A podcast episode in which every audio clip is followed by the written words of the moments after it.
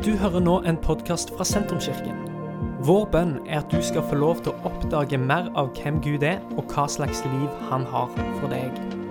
Mer informasjon om hvem vi er og hva som skjer i kirka, befinner du på sentrums.no og i sosiale medier.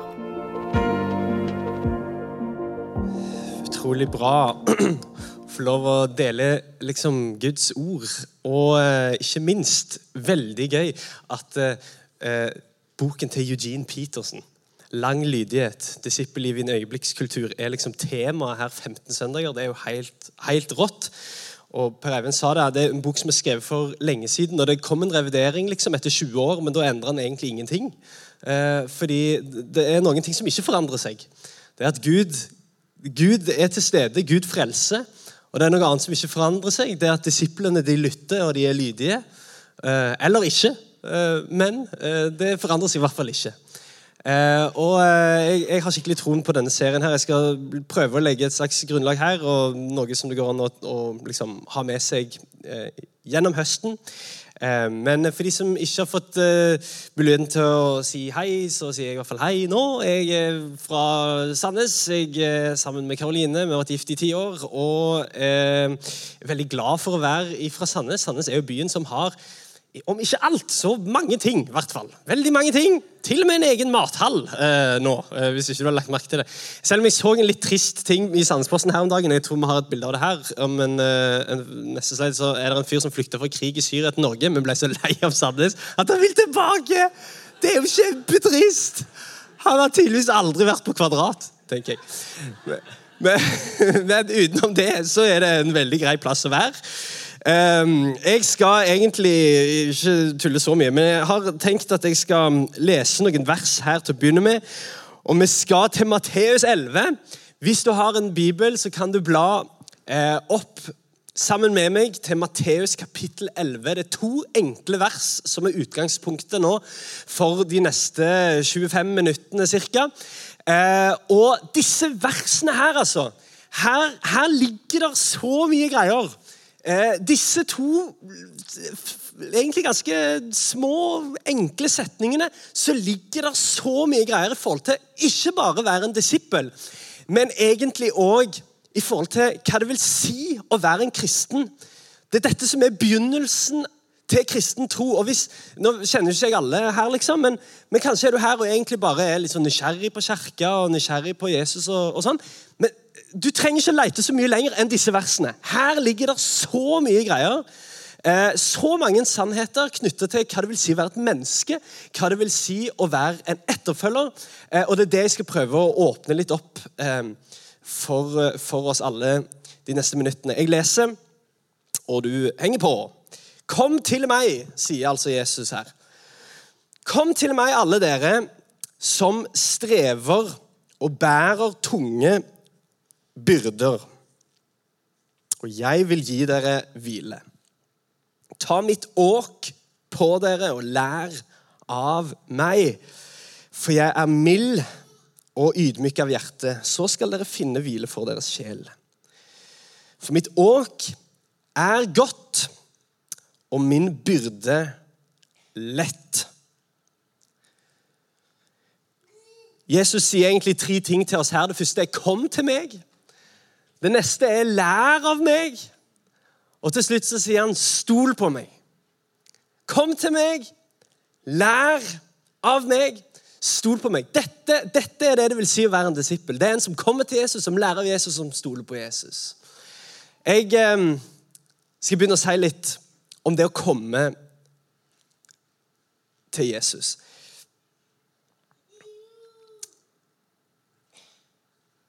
Klokken slår midnatt, og den helt ferske elleveåringen blåser ut de provisoriske bursdagslysene han har tegna i det støvete gulvet. Og Victor og Petunia Dumling har tatt med seg sønnen Dudleif og nevøen som de hater overalt på jord, Harry Potter, til en øde øy for å komme seg lengst mulig unna alle brevene som har dundra inn i postluka på inngangsdøra deres de siste dagene. hundrevis, om ikke tusenvis, av brev fra Galtvort høyere skole for hekseri og trolldom. Dedikerte Harry har blitt revet i stykker, kasta i peisen og tilbakeholdt fra den rettmessige mottakeren. Men plutselig så høres flere gjentagende brak fra den låste inngangsdøra. Og ikke lenge etterpå så står Gygri der. En kjempe som er utsendt fra Galtvort. Han står plutselig midt i stua til denne livredde familien for å hente med seg Harry til en helt ny verden. Og denne verden her, det er en verden som ikke ligner på noen ting Harry noen gang har sett før. Alt er annerledes. Sant? Fargene er annerledes. Luktene, lydene. Men ganske raskt så skal han likevel erfare at dette ukjente stedet likevel er her som han i sannhet hører hjemme. Og Harry Potter, som altså er dette foreldreløse offeret som blir undertrykt av sine nærmeste, han står plutselig nå ansikt til ansikt med en verden der alle kan navnet hans. En verden der han er ønska. En verden der han er elska. Og ikke minst det er et sted der det finnes et kall over livet hans.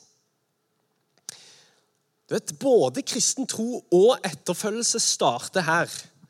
Det starter med å takke ja til invitasjonen som kommer fra en annen verden.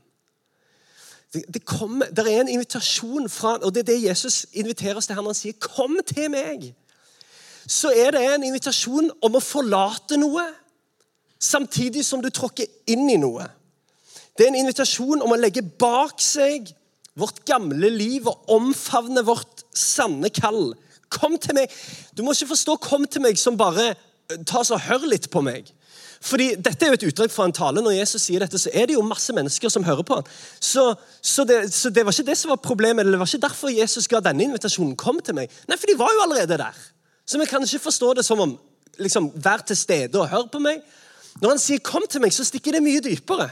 Den invitasjonen er mye mye dypere enn å bare høre litt, bli litt inspirert nå, følg litt med. Nei, det, det er en dyp invitasjon fra Jesus her. Fra en annen verden. Om å legge bak seg noe, og om å tråkke inn i noe annet.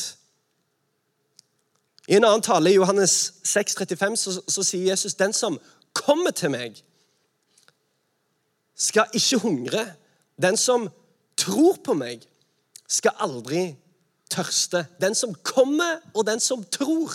Du skjønner, Dette er jo det man kaller for liksom, parallellisme. Altså, du, du, bruker, du, sier to forskjellige ting som egentlig betyr akkurat det samme.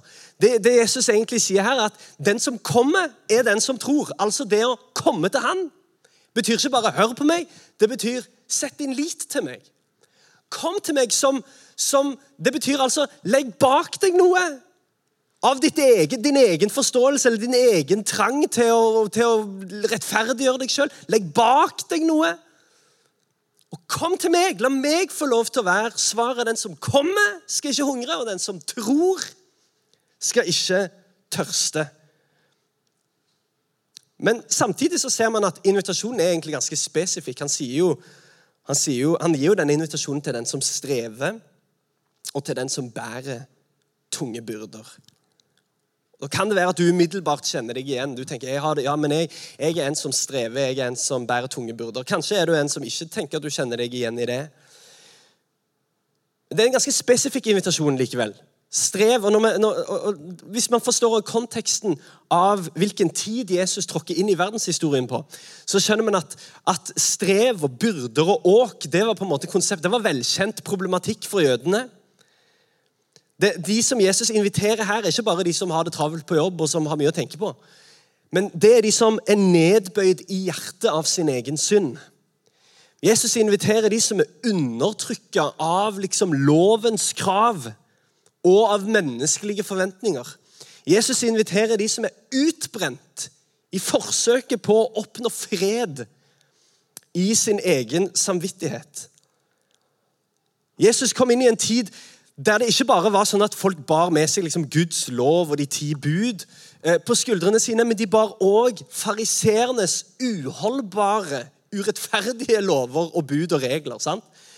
Det var ikke bare om å gjøre å liksom gjøre Gud fornøyd, men det var òg om å gjøre å gjøre fariseerne, de religiøse lederne og lærerne, fornøyd. Det var uholdbart å være en jøde. Det var tungt. Det var tunge åk, og det var tunge byrder. Derfor så advarer Jesus om fariseerne.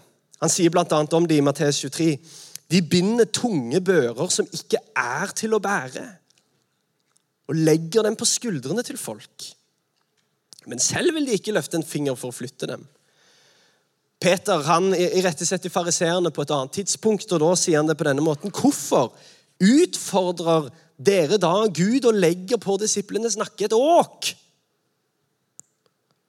Som verken våre fedre eller vi har maktet å bære.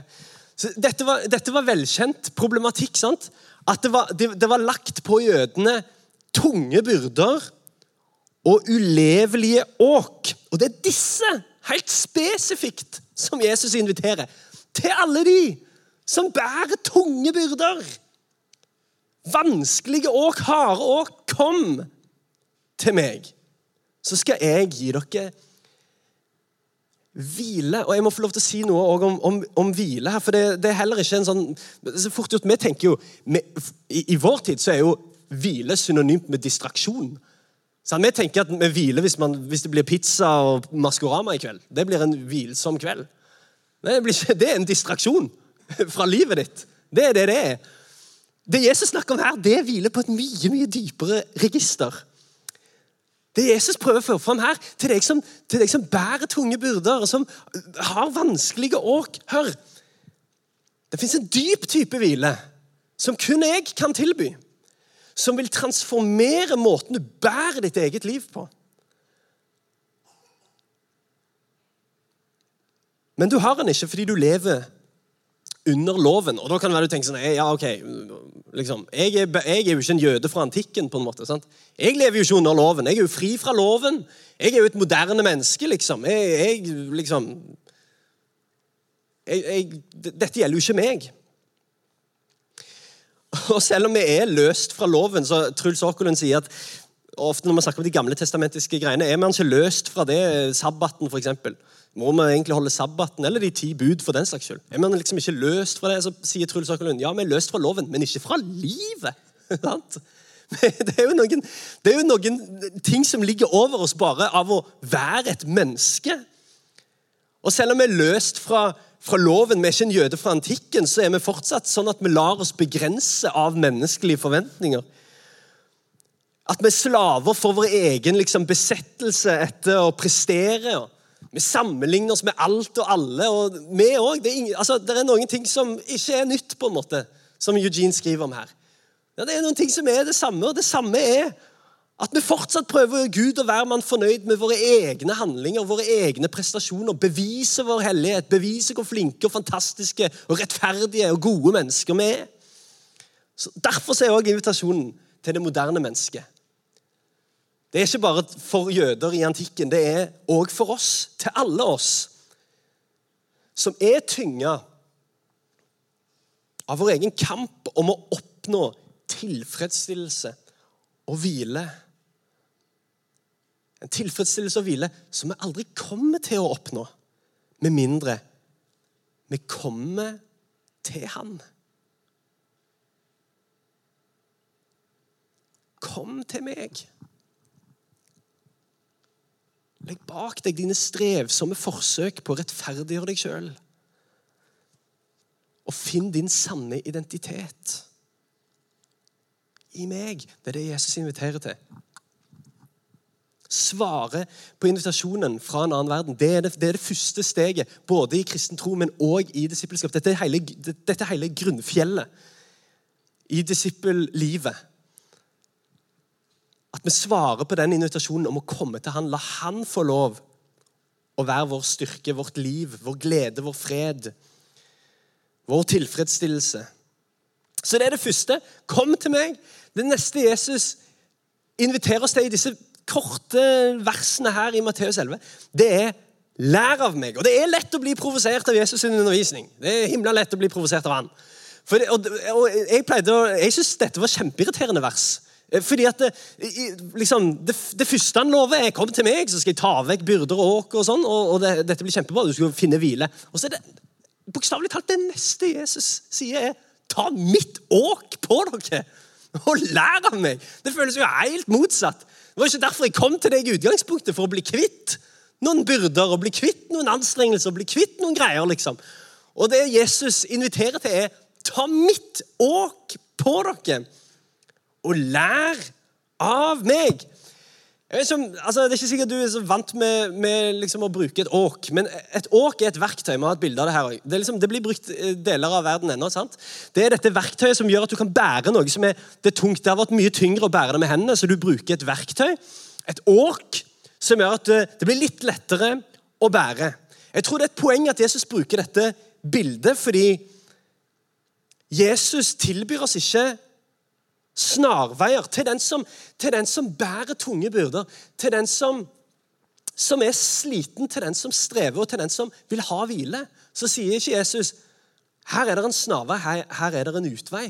Det Jesus tilbyr, er verktøy. Det Jesus tilbyr oss, er ikke snarveier og utveier fra livet, men han tilbyr oss verktøy til å bære livene våre på en ny måte og på en bedre måte. Det er bokstavelig talt et verktøy som er mer bærekraftig for livene våre. Det er det han tilbyr disiplene. Kom til meg, lær av meg, så skal jeg vise dere hvordan du kan leve livet ditt på en mer bærekraftig måte. Ta mitt åk på dere. Altså Her indikeres det jo at, at, at du har jo noen åk. Du har allerede noen verktøy som du bruker hver dag for å deale med livet ditt. Det Jesus sier, er ta mitt åk istedenfor, for det er mye bedre. Du har allerede noen åk. du har, og Vi kan bare liksom tenke oss liksom, i, i vår tid hva dette betyr for oss. Men er det ikke sant at vi òg har noen sånne verktøy, noen greier vi tyr til, noen greier man gjør for å deale med livet? sant? Når jeg er sliten, så ser jeg på TV. Når jeg er lei meg, så spiser jeg noe digg. Når jeg er rastløs, så går jeg og shopper. Sant? Når jeg trenger bekreftelse, så legger jeg ut et eller annet. Når jeg er ensom, så Skjønner du? Det er som Jesus sier. Han sier etterpå så sier han, Ta mitt åk på, på dere og lær av meg, for mitt åk er godt. Altså, hans, hans verktøy er gode. Dere har dårlig åk, er det Jesus prøver å si. Dere bruker himla dårlige verktøy for å deale med livet. Det Jesus sier, er ta mitt åk, lær av meg. Ikke bare la dere inspirere, men lær av meg. Og Det er så mye bedre på nynorsk når du er en læresvein når du er en disippel. sant? For du er jo en lærling, selvfølgelig. Du vet, Det å være kristen eller det å være en disippel er ikke en sånn intellektuell øvelse som man gjør. Man, man kommer her på gudstjeneste og liksom analyserer noen greier. og mm, ja, dette var logisk, og dette var bra, og sånn. Og så terningskast fem, eller et eller annet. Og så er det en sånn intellektuell øvelse. Jeg sier ikke at troen ikke gir mening, for det tror jeg han gjør. Jeg tror absolutt han gir mening. Jeg tror til og med han er logisk. Men jeg bare sier at vi kan ikke redusere det å være en disippel til en sånn intellektuell greie som jeg holder på med her oppe. Og det er like dust å gjøre det til en sånn emosjonell greie. Sånn en følelsesbasert opplegg. Man jakter på en eller annen frysninger på ryggen her, og, noe, og det var en god følelse der. og Så går man der liksom, der er mest liksom, åndelig underholdning. Fordi at man tror det å være en disippel er å liksom, kjenne det på, på kroppen. at det er en sånn emosjonell greie. Det er ingen av delene isolert sett. Det kan være begge deler. Men det det i hvert fall er, det er en praktisk lydighet til Guds ord. Og til Guds ånd. Og Eugene Peterson han sier det her i innledningen av boka at en disippel søker ikke informasjon om Gud. En disippel søker troens praktiske erfaring. Fordi vi er læresveiner. Vi er lærlinger som følger en mester. Kom til meg. Men når du har kommet, så sørg for at du lærer av meg. Så skal dere finne hvile for deres sjel. Ta mitt åk på dere, lær meg. Så Altså, Det er en oppskrift her. Hvis du vil ha hvile, superdupert, kom til meg, så skal jeg lære deg å bære livet ditt på en ny måte. Jeg lærte nettopp dette er litt sånn sidenotat, men jeg synes det er veldig gøy. fordi Når Jesus sier dette, så skal dere finne hvile for deres sjel. Det han egentlig gjør da, det er at han drar inn et sitat fra Jeremia. Det er egentlig en sitering av noe som står eh, i Gamle testamentet mange hundre år før Jesus. Da står det Så sier Herren, still dere på veiene og se. Spør etter de gamle stiene, etter veien til det gode. Gå på den så skal dere finne hvile for deres sjel. Men de svarte, vi vil ikke gå der.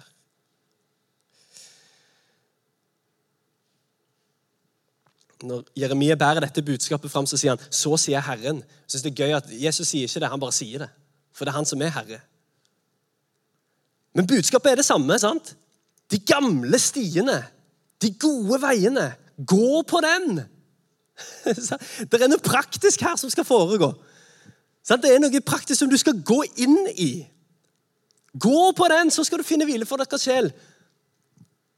Hvile er ikke en distraksjon fra verden. Nei, det er, å begynne å deale med verden med andre verktøy som du får fra han. De gamle veiene, de gamle stiene. Den gode veien. Så skal du finne hvile for sjelen. Hvor sant er det ikke at vi fortsatt er litt sånn som i Jeremias tid? Vil vi egentlig gå der? Orker vi egentlig det? At vi motsetter oss denne villigheten av å lære fra Jesus. Jeg tror det er helt menneskelig. Det er radikalt, det Jesus kommer med. Vend det andre skinnet til, liksom. Svar med godhet når du møter ondskap. Tilgi. Gi deg sjøl til det kristne fellesskapet. Løft opp andre, liksom. Det er en helt annen måte å leve livene våre på. Lær av meg. Så skal dere finne hvile for deres sjel.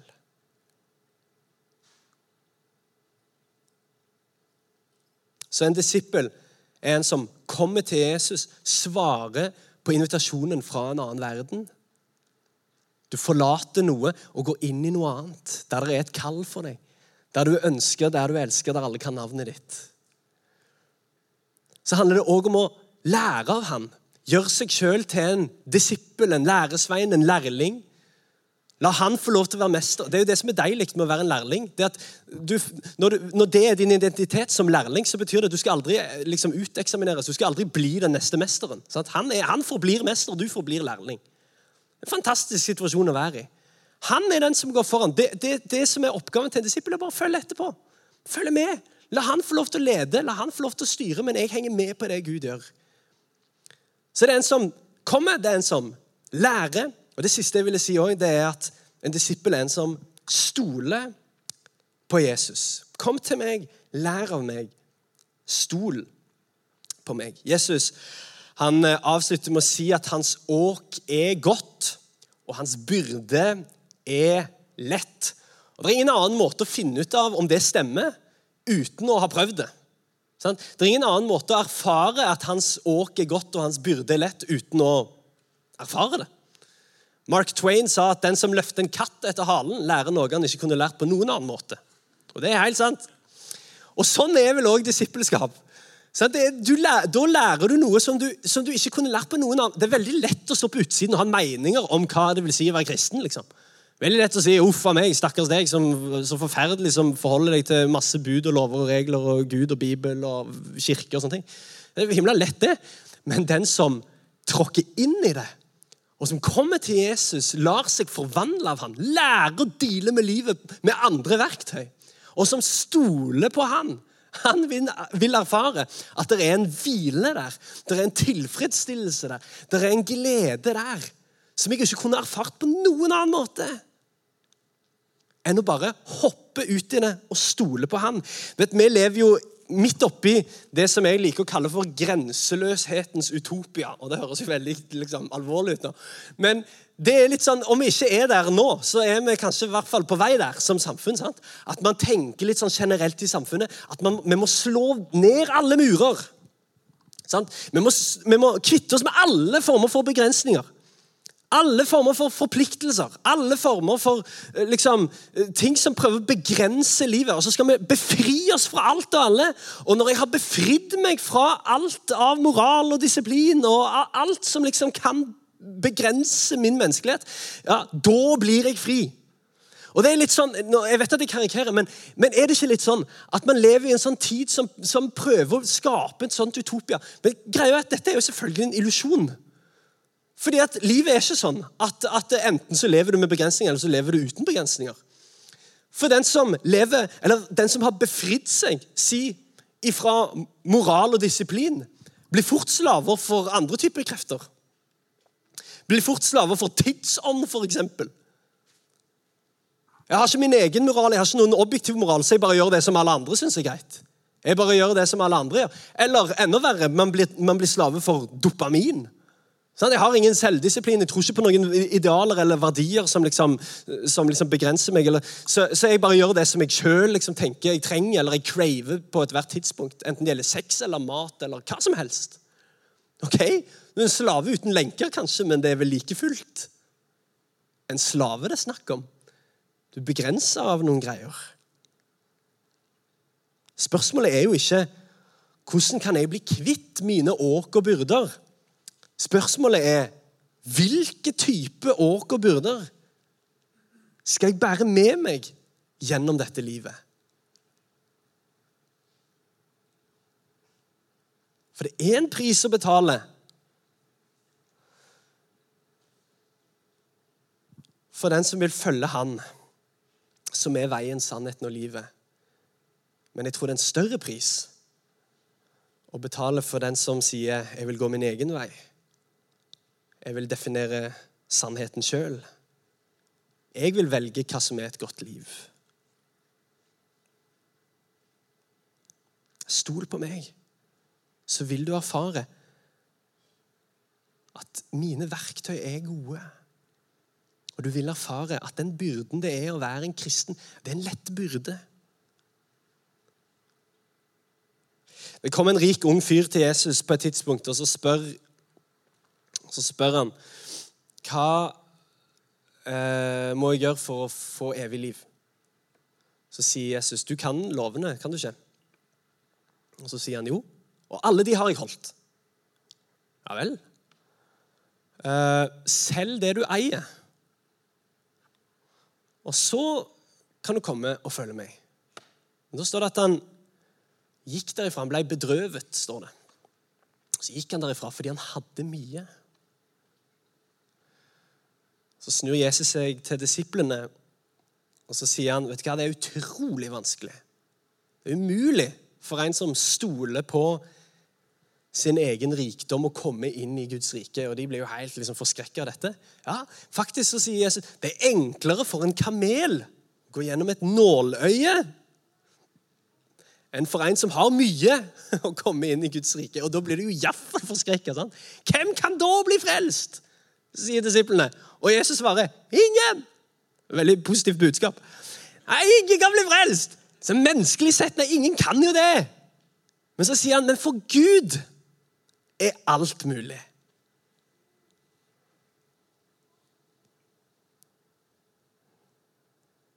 Jeg lurer på hva som hadde skjedd det har jeg tenkt på mange ganger. Hva hadde skjedd med han fyren sant? Hvis, han hadde, hvis han hadde solgt alt han eide, og kom til Jesus? Kanskje hadde vi hatt et ekstra evangelium liksom, i, i Bibelen. Hvem vet? Men det han i hvert fall hadde erfart, hvis han hadde tatt katten etter halen Det er at hans åk er godt. Det er at hans byrde er lett. Han tenkte for en byrde. Jeg må selge alt jeg eier. Jeg har jo så mye. Det, problemet hans var jo ikke at han holdt loven, eller at han ikke holdt loven. Han, han var en rettferdig fyr, han her. Men problemet hans det var at hans egentlige Gud det var det han hadde i hendene. Det var rikdommen hans. Det var det han stolte på. Det var det som var hans trygghet.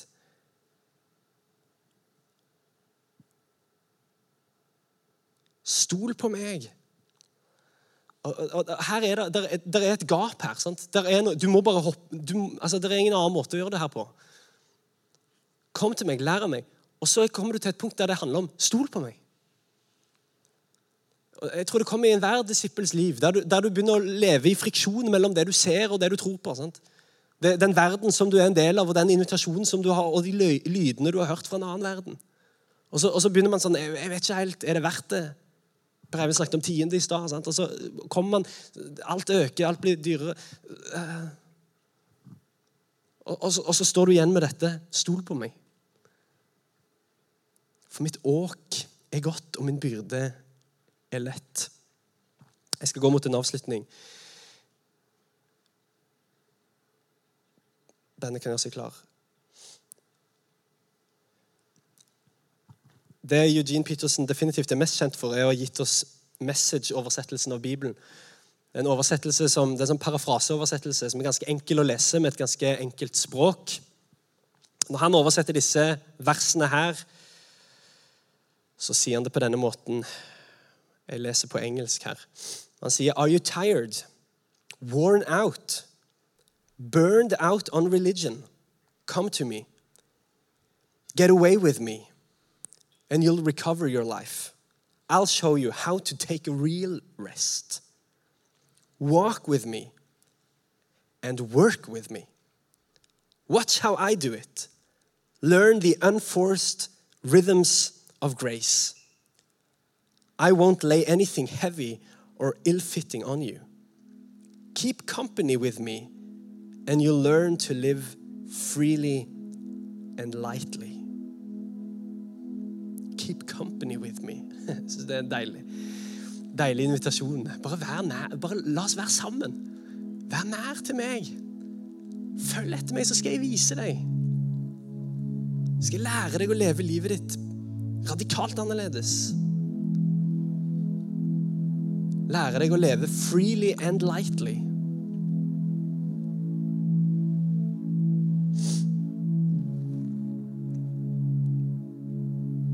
Etter at Jesus blir pågrepet og bortført, og han, skal, han er på vei til korset, så eh, blir han først piska og spotta og spytta på, liksom. Eh, og så blir han tvungen til å bære korset, som han snart skal bli spikra fast til.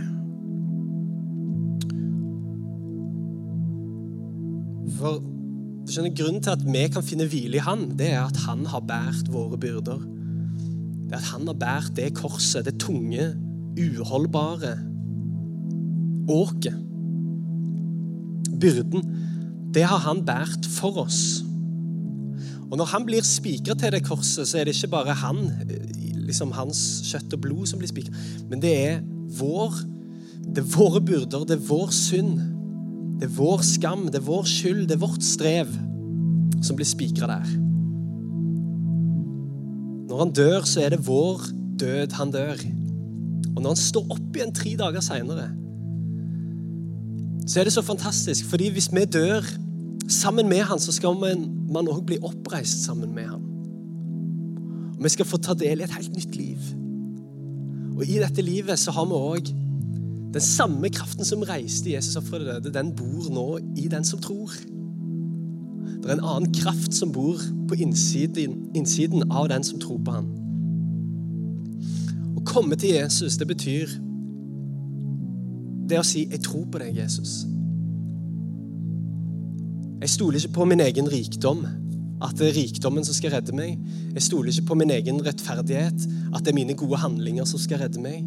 Stoler ikke på mitt nettverk, at det er vennene mine eller alle de kjente personene. eller alle de... Jeg stoler ikke på noe av det. Jeg kommer til deg.